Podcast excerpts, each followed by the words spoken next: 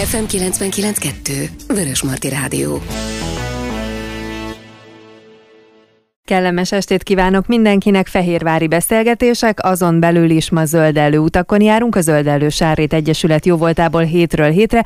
Ma az egyik alapító, a Kecskés Timivel beszélgetünk. Szia Timi! Szia Zsuzsa, szép estét a hallgatóknak is! Enni, inni fogunk ebben az órában, tehát a témáink tulajdonképpen az evés köré épülnek, de ezen belül uh, van több világnap, ami mostanában volt, uh, ami a kajákhoz kapcsolódik, Igen. és aztán uh, a végén lesz majd, de azért előre mondom, mondom, ez a bizonyos 50 kilométeres diéta, amit, hogyha még nem hallottak, semmi gond, majd most ez el fog hangzni, és az is, hogy mit keres ez, egy egyébként környezettudatos műsorban, na, szerintem ez mm. az összekapcsolás lesz a legérdekesebb, de nem sokára ez is ki fog derülni, úgyhogy csapjuk bele először is abba, hogy Tibi megérkezett kettő perccel kávé az indulás előtt, de ez lényegtelen, mert az az üzenet, amivel indítottál, amikor bejöttél, az szerintem mindennél fontosabb volt. Pár hete beszélgettünk pont mi igen. autózás témakörében, ugye az autómentes naphoz Igen. kapcsolódtunk,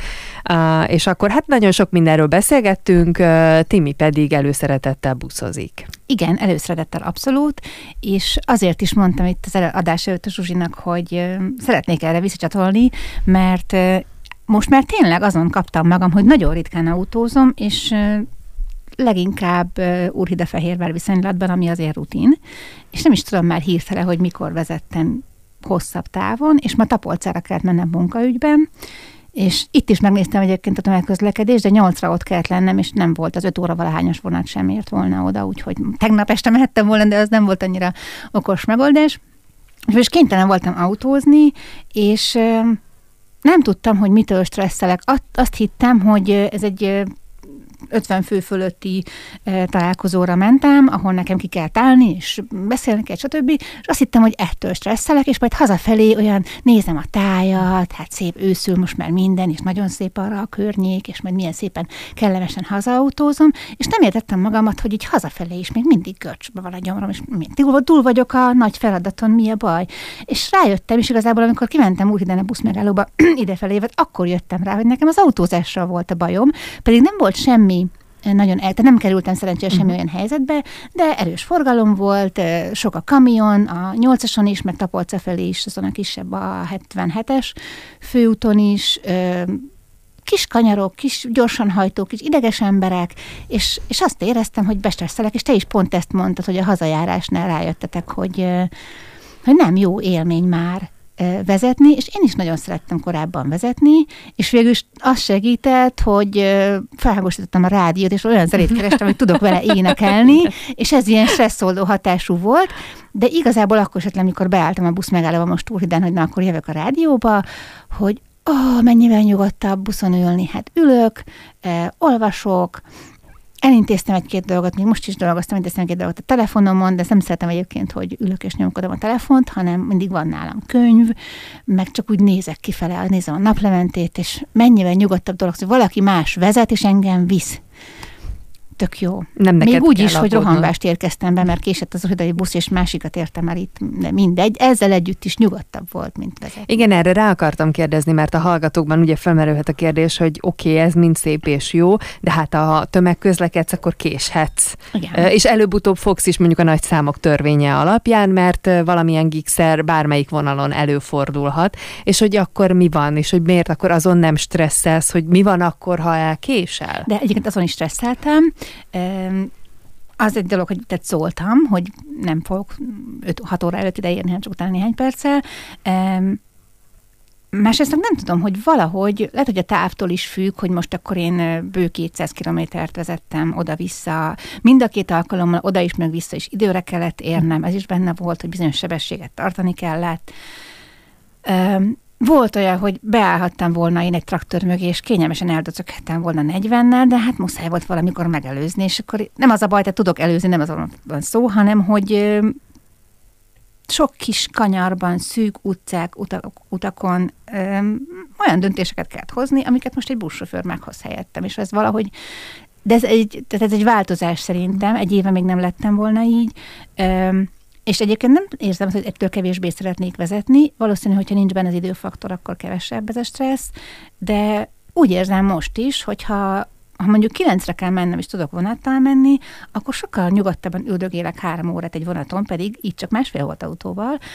Akár viszem a laptopot és dolgozom, akár ott is pihenek, vagy olvasok, vagy kikapcsolódom nekem mára ezzel a gyakorlattal, hogy szándékosan kevesebbet kezdtem vezetni, most már nyugtatóbb is a tömegközlekedés általánosságban. Nyilván vannak ott is. Tehát, hogyha most teljesen elkéstem volna, és valami történik, például lerobban a busz, és azt kell megüzenjem, hogy nem tudok jönni egyáltalán, az már rosszabb lett volna, de szerencsére ez nem történt így. Szerencsére nem is azért nagyon ritkán vannak Igen. ilyen esetek, nyilván előfordulhat, de hát akkor meg megint ez a kérdés, hogy hogyan állunk hozzá ehhez a kialakult helyzethez, hogy megfogadjuk, hogy akkor soha többet nem buszozunk, mert az hú, de bizonytalan, és ugye szeretünk a végletekbe csapkolódni, hogy egyszer történt Igen. valami, és akkor soha többé, mert ez kiszámíthatatlan, hát nem, mert az összes többi előző 99 az kiszámítható volt. Szóval azért ilyen dolgok nem nagyon szoktak történni szerencsére, és hát reméljük, hogy azért a következőkben meg még több fejlesztés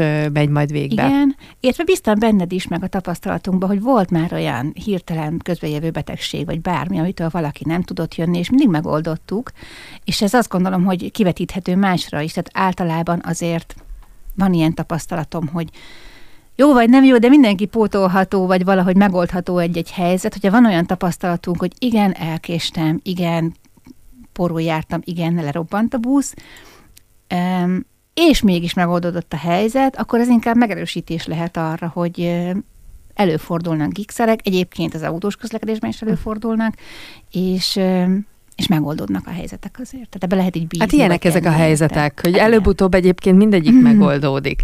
Ennyit a közlekedésről, és legyen ez inspiráció a hallgatók számára, hogy próbálják ki, teszteljék magukat, és nem gáz, hogyha olyankor teszik ezt, amikor tényleg kényelmesen ráérnek, tehát nem kell rögtön belecsapni Igen. a sűrűjébe, hogyha esetleg ez már régen volt. Erre biztatunk tehát mindenkit, meg az evésre is, mert azt ugye kell, szeretünk enni.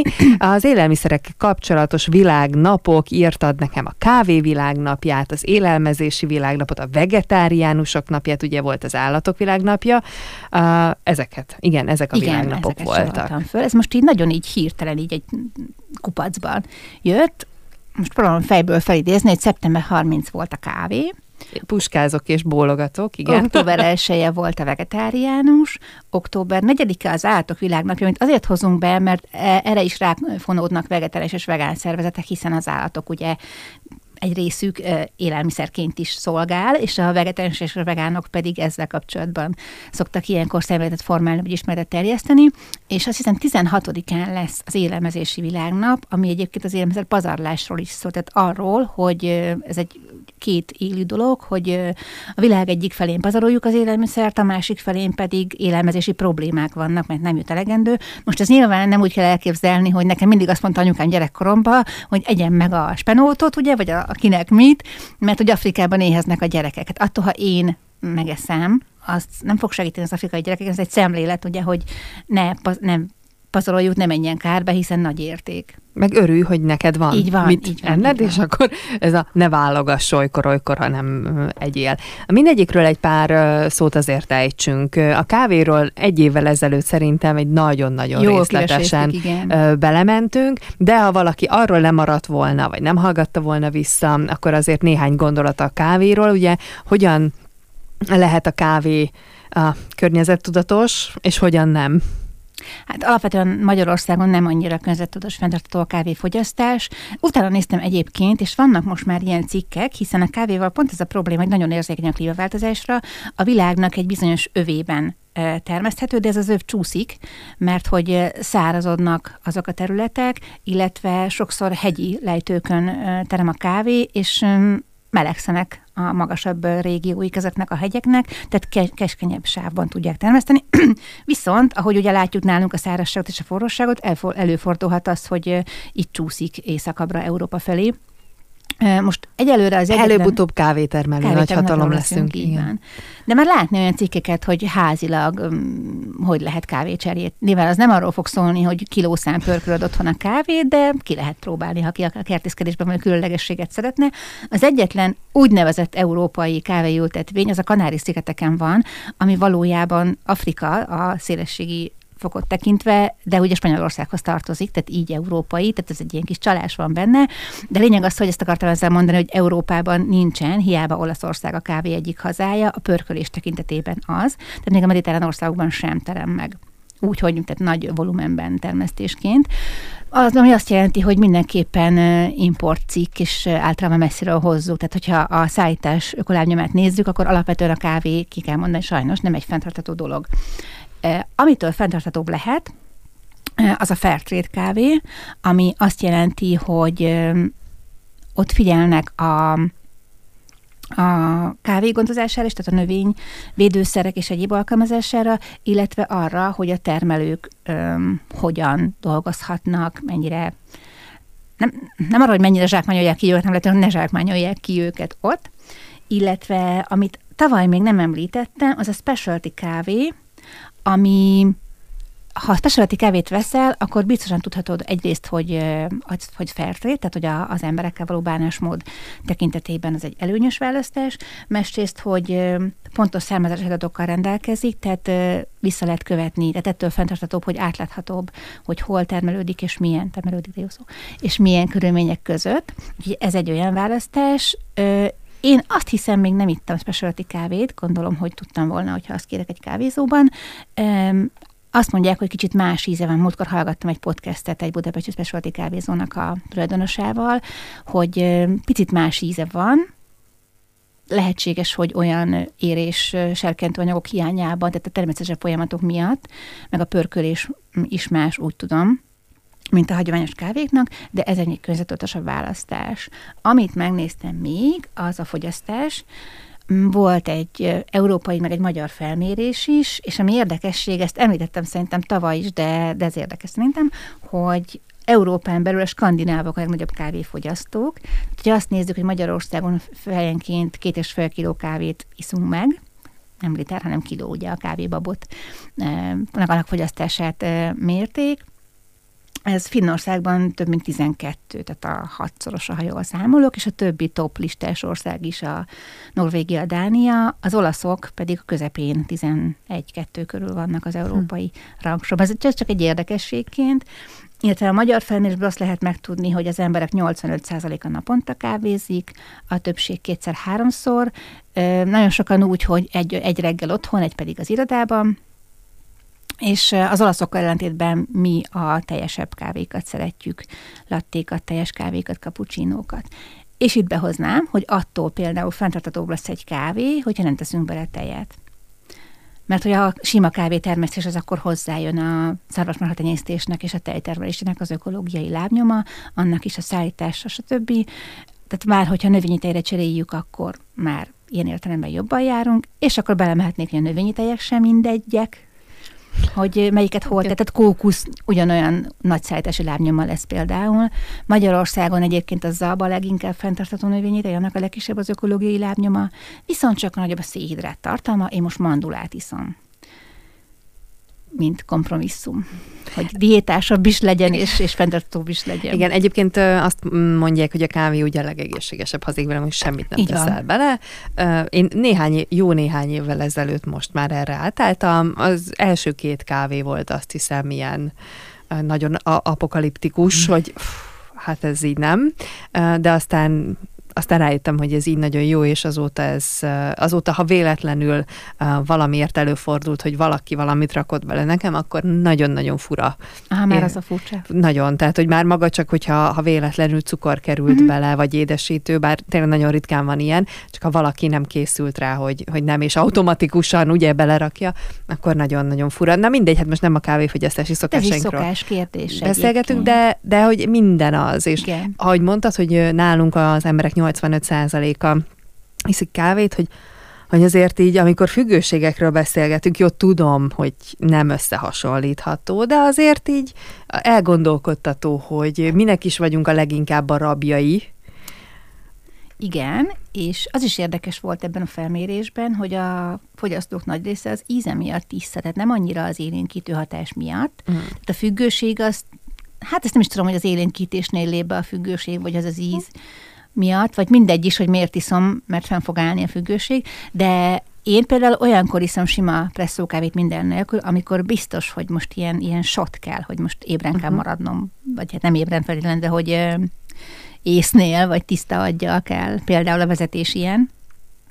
És egyébként engem élénkít a teljes, növényi teljes kávé is, és ez csak finomabb. És akkor itt jön be ez, hogyha mondjuk hiányzik lesz a kávé, hiszen ez, hogy a klímaváltozás nagyon érzékeny, ez azt fogja eredményezni, hát reméljük, hogy nem néhány éven belül, de az, az várható, hogy sokkal kevesebb lesz az elérhető kávé a piacon, akkor én azt gondolnám, hogy akik az ízekedvéért fogyasztják, azok fogják elkezdeni visszavenni. De lehet, hogy a másik logika érvényes, mert én is csinálom azt, hogy például reggel zöld teát iszom. Én, nekem nincs ez a reggeli kávézás. És aki viszont a hatás miatt issza, az találhat olyas valamit, aminek az ízét ugyanúgy megkedveli, de ugyanúgy élénkíti. Ez érdekes, hogy ki fog esetleg majd leállni, de valahol ez is döntés, meg tudatosság kérdése lesz majd. Most már azért most sem a legolcsóbb dolog a kávé. Jó, mondjuk régen sem volt, de azért egy aránylag megfizethető áron. Pont ma nézegettem az egyik üzletben a kávékat, és így hmm, így szépen kúsznak hát, azért fölfele. Most igen. nyilván egy másik helyzetbe is belemehetnénk, de annak nem sok köze van szegény kávéhoz. Um, szóval kávéfogyasztás ide vagy oda, alapvetően, mivel Magyarországon nincs kávé, ezért innentől kezdve ez nehezen fenntartható, vagy nehezen nevezhető fenntarthatónak, de tök jó, hogy mondtál olyan variációt, amit, hogy ha választanunk kell. Mint, hogy ha már kávézunk, Igen, meg hogy ha már kávézunk, akkor, akkor hogyan lehet. Most ebbe szerintem jobban ne is menjünk bele, mm, visszahallgatható a, a Zöld Elő podcaston egyébként ez a tavalyi beszélgetés, úgyhogy akit bővebben érdekel, ott aztán mindenről is ott beszélgettünk. a csomagolástól elkezdve Fú, a... nem, kávégépekig, igen, melyik milyen, mindent megbeszéltünk. De menjünk tovább. Ha most sorrendben haladunk, akkor próbálok rájönni, hogy igen, akkor a vegetáriánusok napja volt igen. a következő a, a sorban, mint október 1 -e. Igen, a vegetáriánus illetve én behoznám a vegán életmódot is, bár a, a különbség elég nagy, vegetáriánusok ők húst nem esznek, illetve vannak variációk, hogy laktó, ovó, tehát aki tejet sem eszik, tojást sem eszik, vagy egyiket, vagy másikat. Alapvetően a maga a vegetáriánus szó az a húsmentes jelenti. A vegán pedig itt is van egy különbség, mert a vegán az nem csak egy étkezés, hanem egy életmód. A vegán bőrcipőt sem vásárol, és mindennél megnézi a, az állatok való bánásmódnak a hatásait, nem csak az étkezésben. Van egy olyan étkezés, hogy teljes értékű növényi étrend, ez az, ami olyan értelemben nem vegán, hogy nem vonatkozik a teljes életmódra és minden fogyasztott tájra, de csak növényi alapanyagú táplálékot esznek. Hát nem tudom, kell-e még mondani, vagy mennyire elterjedt már így a köztudatban, hogy mitől környezettudatos vegán módon étkezni. Szerintem. Egyszerűen az állattartásnak az ökológiai lábnyoma jóval nagyobb, mint a növénytermesztésnek, és hogyha hogyha az alulról építkezve az emberek igényeiből indulunk ki, eh, ha egyre többen átállnak növényi étkezésre, akkor kevésbé lesz szükség állattartásra, és azokon a földterületeken, amelyeken most állatok legelnek, és nagyon sok takarmányt termesztünk, azokon eh, ez sokszor ellenérv, hogy de hát hol termesztünk annyi zöldséget, hogy mindenki vegetáns vagy vegán legyen nagyon, sokan nagyobb arányú a takarmánytermelés most a földeken, mint az emberi fogyasztásra való zöldség és gabonatermesztés, és nyilván, hogyha egy szarvasmarhával kevesebb legel, akkor annyival kisebb legelőkkel, azon lehet aztán emberi fogyasztásra termelni, és olyan számítást is láttam, hogy az embereknek egyszerűen kevesebb tehát ez ebből bele lehet gondolni logikusabban, hogy mekkora egy szarvasmarha és mekkorák vagyunk mi. Összességében kevesebb zöldségre vagy gabonára lenne szükségünk, mint amennyi erre az állatoknak. Így, hogy akár a erdősítés is lehetne fokozni azzal, hogy kevesebb állatot tenyésztünk, illetve hát nem kell, ez pont, hogy messzire kell menni, amikor pár éve volt a, a dél-amerikai esőerdők lángolásáról sok szó, akkor annak része volt az a érvelés is, hogy ezek nem mindig véletlen erdőtüzek és klímaváltozás következtében kipattanó erdőtüzek, hanem szándékosan égetnek föl erdőket a szarvasmartenyésztés növelése érdekében. Ezeket lehetne csökkenteni és védeni azokat az erdőket, amik egyébként a földtüdejét alkotják részben. Itt ugye nagyon fontos az, hogy lebeszélni mondjuk a húsfogyasztásról nem akarunk senkit. Itt a mértékkel Igen. vannak a, hát a problémák, tehát azt lenne érdemes átgondolni, hogy menny, milyen gyakorisággal leszünk húst, hogy valójában a szervezetünknek egyébként szüksége van-e arra a mennyiségű húsra. Én tiszteletben tartom azt, hogyha valaki egyébként azt mondja, hogy igen, na de mindenkinek nem, mert... És hogy, nem minden nap. Igen. igen. Úgyhogy igazából ez csak egy ilyen szemléletmód, hogy, hogy mi lenne, hogyha egy-két nappal több olyan lenne, amikor mondjuk nincs ö, hús. És a hússal egyébként nekem az a problémám, hogy ö, sokkal több húst ö, esznek általában az emberek, mint amennyit bevallanak, és nem azért, mert nem akarják bevallani, hanem azért, mert amikor húsról beszélünk, akkor a hamburger van előtted kb., meg, meg a, a hús, hús, igen, a amit megveszel a boltba, hús igen, és a hazaviszel, igen. és mindenféle húsos ételt készítesz. Na igen ám, csak nem beszéltünk akkor a különböző felvágottakról, a kolbászokról, a mindenféle a májkrémekről. Krémek, virslik. Tehát, hogy ez mind, ez mind a húshoz tartozik. Igen, hát ez, ez sokszor kimarad így. Tehát ha hányszor eszem húst, ez akkor az ember azt gondolja végig. Hát hányszor eszem a... lántott húst egy héten? Hát csak egyszer. Igen, a főzelékemen hányszor van pörkölt. Igen. És én mindig mondom, hogy én nagyon szerencsés vagyok ilyen értelemben, hogy vegetáriánus a férjem, mert én valamiért lehet, hogy sztereotípikus gondolkodásom van, de azért általában Magyarországon szerintem, hogy elterjedt, hogy a, a, akkor férfi a férfi, hogyha húst teszik, és hogy az étel nem étel hús nélkül. Nálunk, hála Istennek, nagyon jól megy a, a, a főzelék feltét nélkül, és a különböző zöldségköröt egyben. Tehát kiválóan lehet enni egy céklás, zelleres, ugyanúgy, mint a húst egyébként fűszerezve nagyon finom ízeket lehet kihozni, és akkor amellé teszek egy rizst, és teljes értékű étel, és nincs benne hús. Családilag mi most tartunk ott nagyjából, hogy van egy vegetáriánus férj, én hát nem tudom, hogy flexitáriásnak minek nevezzem magam, én most úgy vagyok, hogy így igyekszem a belső hangra hallgatni. Egyre kevésbé kívánom a húst, igen, egyre könnyebben kerülöm el, sőt, ha nem kéne a gyerekek miatt venni, akkor nem, nem gyakran lenne otthon. Igen, és azt mondja, miért kell a gyerekek miatt venni, amit mondtál, hogy, hogy elfogadjuk, hogy van rá igényük. Az egyik nagyon szereti a húslevest, a rántott húst mind a kettő nagyon szereti, úgyhogy úgy egyszer-egyszer van, de messze nincs minden nap húsféle, és a felvágott szalám és a többi sincs. A vegánságtól messze vagyunk, én tejterméket nem igazán. Főzni főzök, tejföldel és joghurttal, illetve sajtot szoktam úgy néha enni, de messze nem minden nap. Tej helyett növényi tejet iszom, és uh, amire szeretném biztatni viszont, tehát a, arra, hogy a húsról lemondjanak, arra nem feltétlenül szeretnék senkit, szeretnék persze, de hogy nem erőszak, vagy nem kötelező, vagy nem mindenkinek, de az, hogy fedezzék fel a zöldségeket, a zöldségek elkészítési módjait, arra nagyon szeretnék mindenkit biztatni, mert egész meglepő ízeket, meg kombinációkat lehet megismerni, és akkor szerintem a következő témánknál is vagyunk, hogy hogyan együnk helyit és szezonálisat. Hát most érdemes körülnézni egy piacon, kimenni és elcsodálkozni, mert az ősz az egy ilyen fantasztikus gazdagságot hoz zöldség és gyümölcs terén is. És én például gyerekkoromban utáltam a padlizsánt, a brokkolit, a cukkinit, és még sorolhatnám, jó sok zöldséget nem szerettem, tököt, sütőtököt, céklát, fú, sokat, és amikor az első gyerekemet kezdtem etetni, és ott ugye a hozzátáplást, azt úgy hát most már hozzátáplás is van is modernebb szelek fújnak, de ez majdnem 20 éve volt, akkor úgy kezdtük, hogy az anyatej mellé egy-egy komponenst megkóstolgattam. Most a gyereknek a cukkinit és a céklát, jó, céklát nem cukrozva és befőttként szoktuk enni.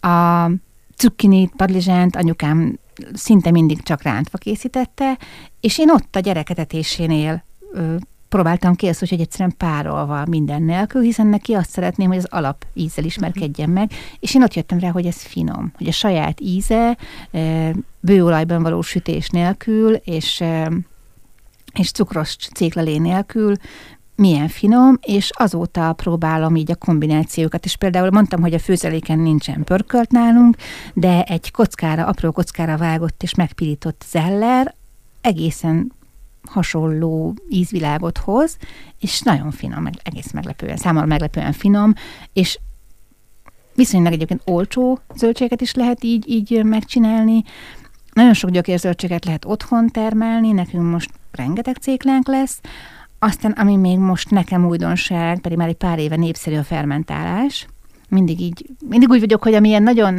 hype dolog, attól én mindig hátralépek egy kicsit, de most van nagyon sok céklánk termett, így rákerestem, hogy hogy is kell mégis ezt a fermentást, hogy mindenhol szembe jött már eddig, és egész megdöbbentem, hogy mennyire egyszerű és milyen finom lett.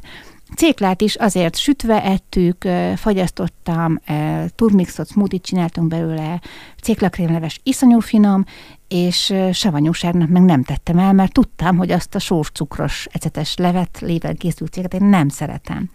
A fermentás pedig annyi volt, hogy leszelteltem a céklát, forralt ecetes víz ment rá, én tettem bele egy kis köményt, mert írták, hogy lehet bármilyen fűszert tenni bele ízlés szerint, és egyszerűen a konyhapulton hagytam állni, és az így magában elkezd egy picit így erjedni, így pesegni. Néhány napig ki kell engednie belőle a plusz levegőt, és aztán három nap után fogyasztható. És olyan roppanós, finom a saját ízét, mint hogyha erőteljesebb lenne a saját íze, hogy én még ilyen céklát nem ettem, és most oda vagyok, hogy az összes céklát fermentálni fogom, ami otthon terem. Vannak lehetőségek. Én a céglával akkor barátkoztam meg, amikor ugye kiderült a titok nyitja, hogy a balzsamecet elveszi a földes ízét, ah. mert engem az zavart uh-huh. nagyon, és emiatt nem is ettem. És amikor ezek után jött a következő nagyszerű dolog, ami kiderült, hogy a, például most, hogy ugye ősz van, körtével. Igen. Hogyha a körtével sütöd, akkor, akkor ez valami brutálisan zseniális dolog, és uh, ugyanúgy egy köretet csinálsz hozzá, és készen van a, a, az étel, tehát uh, fantasztikus, bár én ott azon a szinten nem tartok, ahol te, én még csak itt, de e, ezen masszívan. De egyébként ez, hogy gyümölcsöket zöldségekkel kombinálni. A legjobb dolog. Menjünk vissza a babákhoz, amikor a második vagy harmadik gyerekem született, új védőnő volt, és az ő születésénél mindig mondanak ilyen okosságokat, hogy ha szoptat az anyuka, akkor mit ne csináljon. És én már azt hittem, hogy az első gyereknél hallottam mindent, de itt ez az újdonság, hogy anyuka ne egyen egyszerre zöldséget meg gyümölcsöt. És akkor így néztem bután, hogy nem tudom, attól az anyatáján keresztül biztos hasfájos lesz a baba. Most üzenem innen minden szoptatós anyukának három gyerek úgymond felnevelése, és ezen a részén túl vagyunk már után, hogy egyáltalán semmilyen logikát nem tudnék megfigyelni abban, hogy mit teszek és mikor fáj a gyerek hasa. Én azt gondolom, hogy a gyerek hasa nem biztos, hogy fáj, egyszerűen működik, új a baba, és még nem tapasztalta, hogy ez milyen, hogy ételeket meg kell emészteni, és szerintem eddig javítson ki valaki, hogyha tévedek, de hogy az idő szokta meghozni erre a problémára a gyógyírt, meg mi nyilván vannak olyanok, ahol tényleg ez betegség, és vannak rá gyógyszerek, és biztos, hogy segít a ringatásból a közelség, de hogy egyen nyugodtan mindenki zöldséget, gyümölcsel kombinálva, mert nagyon finom dolgokat lehet kihozni, és most hú, most nagyon lelkes lettem, hogy menjünk bele a recept megosztásba és csereberébe, de hogy a szőlőt rátenni a sült vegyes zöldségekre, fokhagymát mindenhez tegyünk, egészbe sütve, nem lesz fokhagymás ízű, hanem édeskés sült, nagyon finom lesz, a szalcszilvát, mazsolát, ú, nagyon-nagyon finom dolgokat lehet zöldségbe keverni. Na jó étvágyat akkor mindenkinek, remélem, hogy még sokan mo- csak most lesznek a vacsora időben, és akkor amit mi most okoztunk, azt meg tudják oldani. Mondtuk, hogy enni fogunk. Ez mondjuk igaz. Szóval a lényeg az, hogy szezonálisan így van, ö, így van. együnk, ez volt ö, ez a része a történetnek. A másik ugye, hogy helyit együnk. És akkor itt meg már összekapcsoljuk. Az 50 kilométeres Az 50 kilométeres diéta. Én amikor megláttam, hogy ezt írtátok, én magam sem tudtam, hogy Hmm, hát jó, végül is beszélhetünk az egészségről nyilván, és ez végül is arról is szólt arról is között, szól. de, de hogy alapvetően mégiscsak a helyi, helyi dolgokhoz kapcsolódik. Igen. Van, aki azt hiszi, hogy futni kell, és akkor úgy diétázni, és akkor ott mindenki visszatett, hogy 50 kilométert futni, nem. E, és a diéta sem biztos, hogy jó megnevezés, de végül ugye a diétát úgy értelmezzük, hogy egy étkezési rendszer, illetve hogy vala bizonyos ételek kizárása és mások megtartása az étkezésemben, akkor az. Ez arról szól, hogy próbáljunk olyan ételeket enni, akár lehet kihívásként egy hétig, egy hónapig, amik 50 kilométeren belülről származnak. Ez így elég nehéznek hangzik, hiszen az egy elég szűk kör, ha belegondolunk. Az eredeti azt hiszem, vagy angol, vagy amerikai kezdeményezés, az, az 100 mérfölddel számol. Azért az egy jóval, tehát ez 160 kilométer.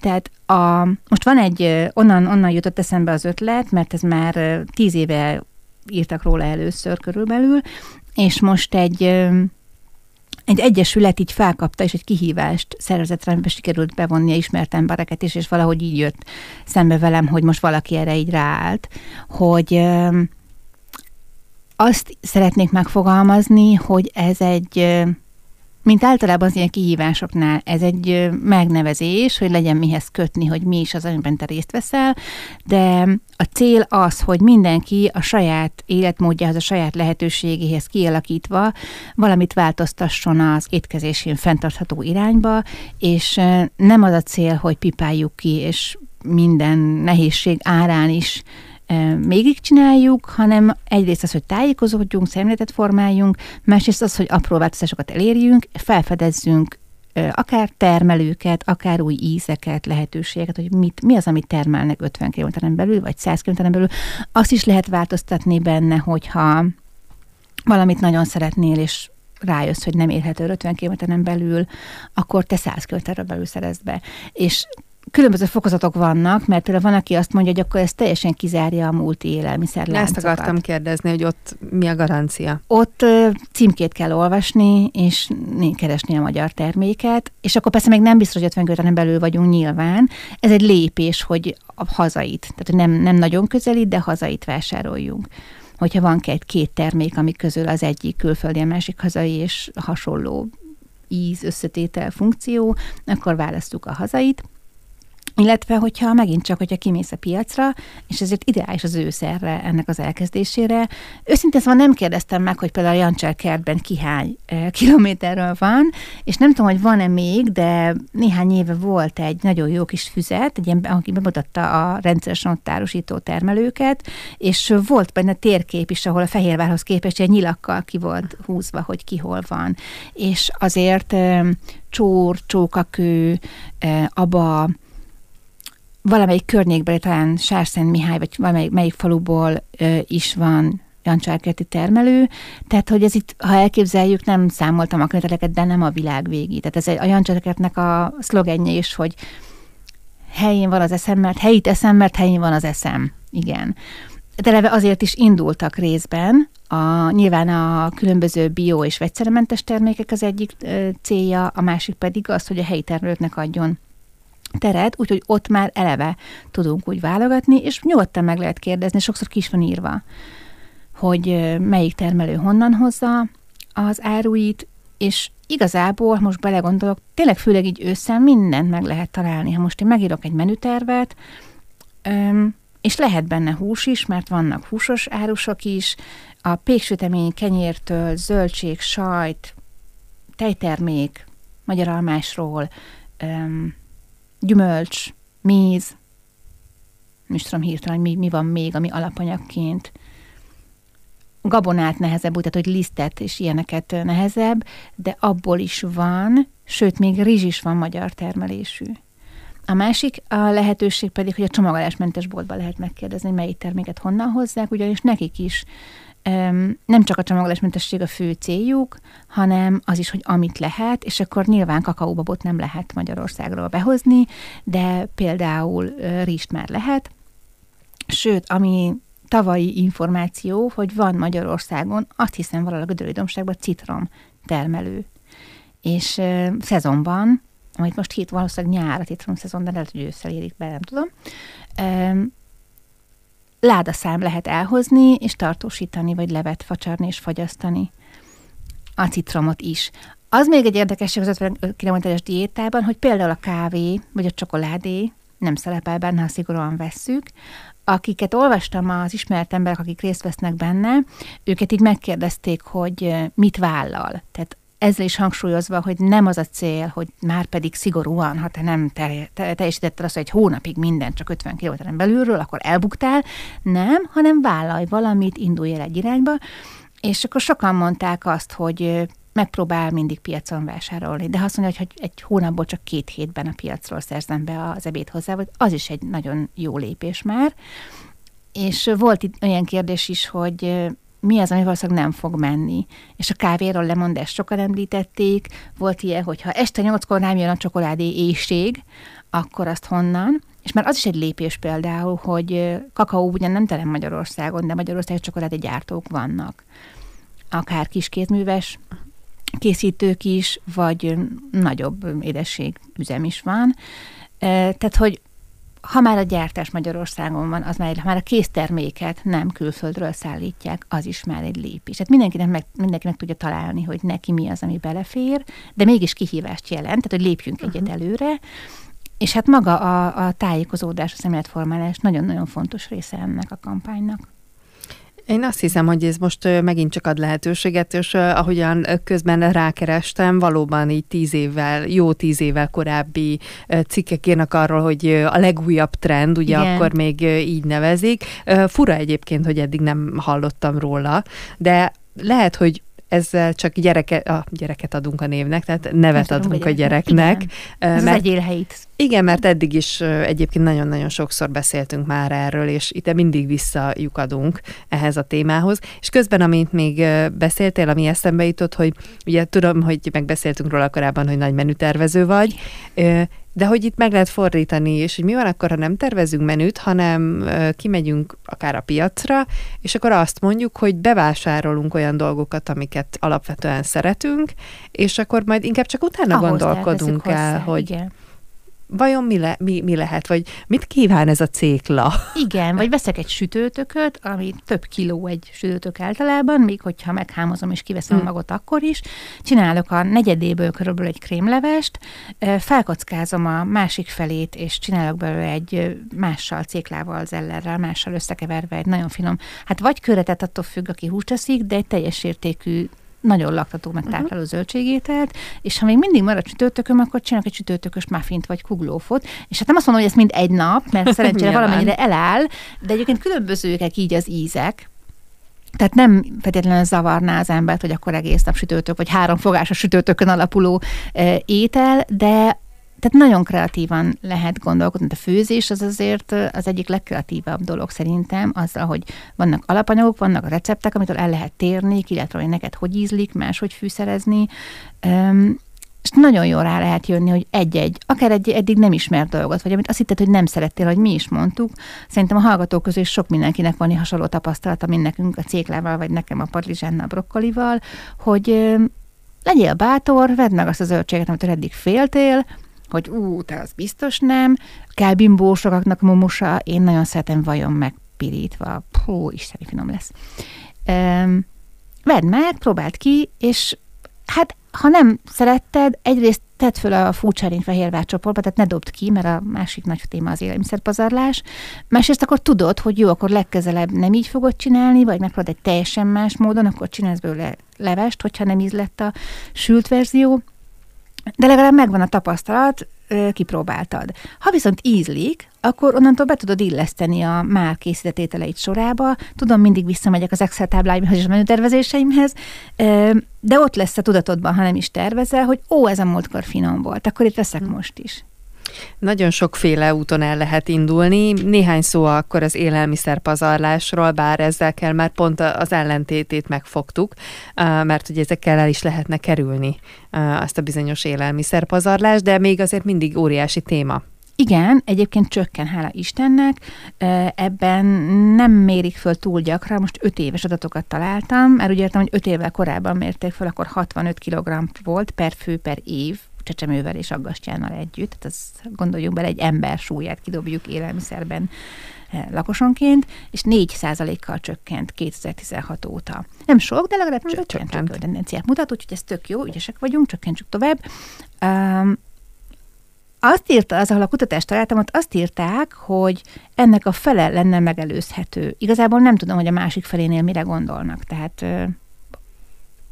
mi az, ami nem megelőzhető élelmiszerpazarlás tekintetében, mire kell gondolni?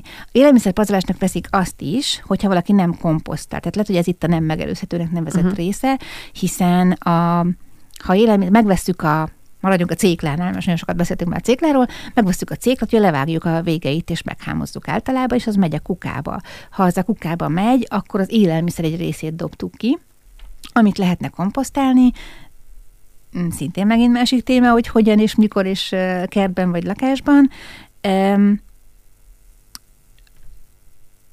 Megálltam egy picit, mivel a komposztálásnál voltam, menjünk vissza az élelmiszerpazarláshoz. Más verziói pedig azok, hogyha megvásárolt ételt, alapanyagot vagy készételt dobunk ki, mert ugye elkészült, és nem figyeltem rá, vagy lejárt a hűtőben, és megint csak nem tudtunk odafigyelni. Nekem például van egy, nyilván, mert én vagyok én, van egy tudó listám, amiben egy hetente rajta van, hogy végignézni a hűtőt. És akkor így, ami, amit úgy látok, hogy hopp, ez már hamar lejár, azt akkor gyorsan azt készítem el. Ez is egy segítség szerintem. És akkor, hogyha viszont főtétel készül el, és kiderül, hogy nem finom, nem szereted, nem eszi meg a gyerek, túlszámoltad magad, az ünnepek ilyen tipikusak, hogy nagyon sokat készítünk, és nyakunkon marad, akkor egyébként akár így településen vagy társasházon belül ki lehet írni a közösségi médiába, hogy van egy fantasztikus adag krémlevesem, de nálunk nem fogy már el, mert két napja ezt teszünk, de még jó, és nyugodtan bárki jöjjön egy kis lábosra, és adok neki, illetve a, szinte ha a közösségi médiánál vagyunk, a Food Sharing Fehérvár csoportot említettem az imént, van Food Sharing Velencei tó is, és nyugodtan lehet alapítani más településeken is. A food sharing étel megosztást jelent. Itt tényleg akár alepanyagok, vásárolt ételek, amik feleslegként maradnak, de még jók, vagy főtt ételek. Ott volt már torta megosztástól elkezdve nagyon sok minden. Egyszerűen van egy Facebook csoport, belépsz, kiírod, hogy sütöttél kelbimbó, de hát mégse ízlik a családnak, és valakinek felajánl, biztos, hogy találsz a több ezer tag közül, aki pont a kelbimbót szereti, például én. Az biztos, hogy ezek megkönnyítik a, az embernek a helyzetét, hogyha ha egyáltalán tudja, hogy hogyan tudja ezt úgy megoldani, hogy nem kell kidobnia. Én pont a, azzal küzdök, hogy például van olyan, és szerintem azért minden háztartásban előfordul, hogy van olyan ö, valami a szekrényben, nem is a hűtőben, hanem ami tartós élelmiszer, amit megvettél, mert akartad, meg jó ötletnek tűnt, de azóta is ott áll a mhm. szekrényben, mm. és bontatlan, nincs is lejárva, de itt tudod, ezeket nyilván nem dobott ki. Igen. Mert hát, oh, igen, nem. Érték. Igen, de téged frusztrál legalább, hogy ott van, és tudod, hogy egyébként senki nem fogja megenni otthon, és akkor ezek a food sharing dolgok például erre, erre tök jók, hogy igen. minek tárolod. Tehát igen. ha tudod, hogy biztosan nem. De kidobni sajnálod, meg ugye pont arról beszélni, hogy ne az élelmiszert. Nekem van uh, mák lisztem, amit soha nem vettem volna meg magamtól, ajándékba kaptam. Egyébként nagyon kíváncsi voltam rá, hogy ez milyen.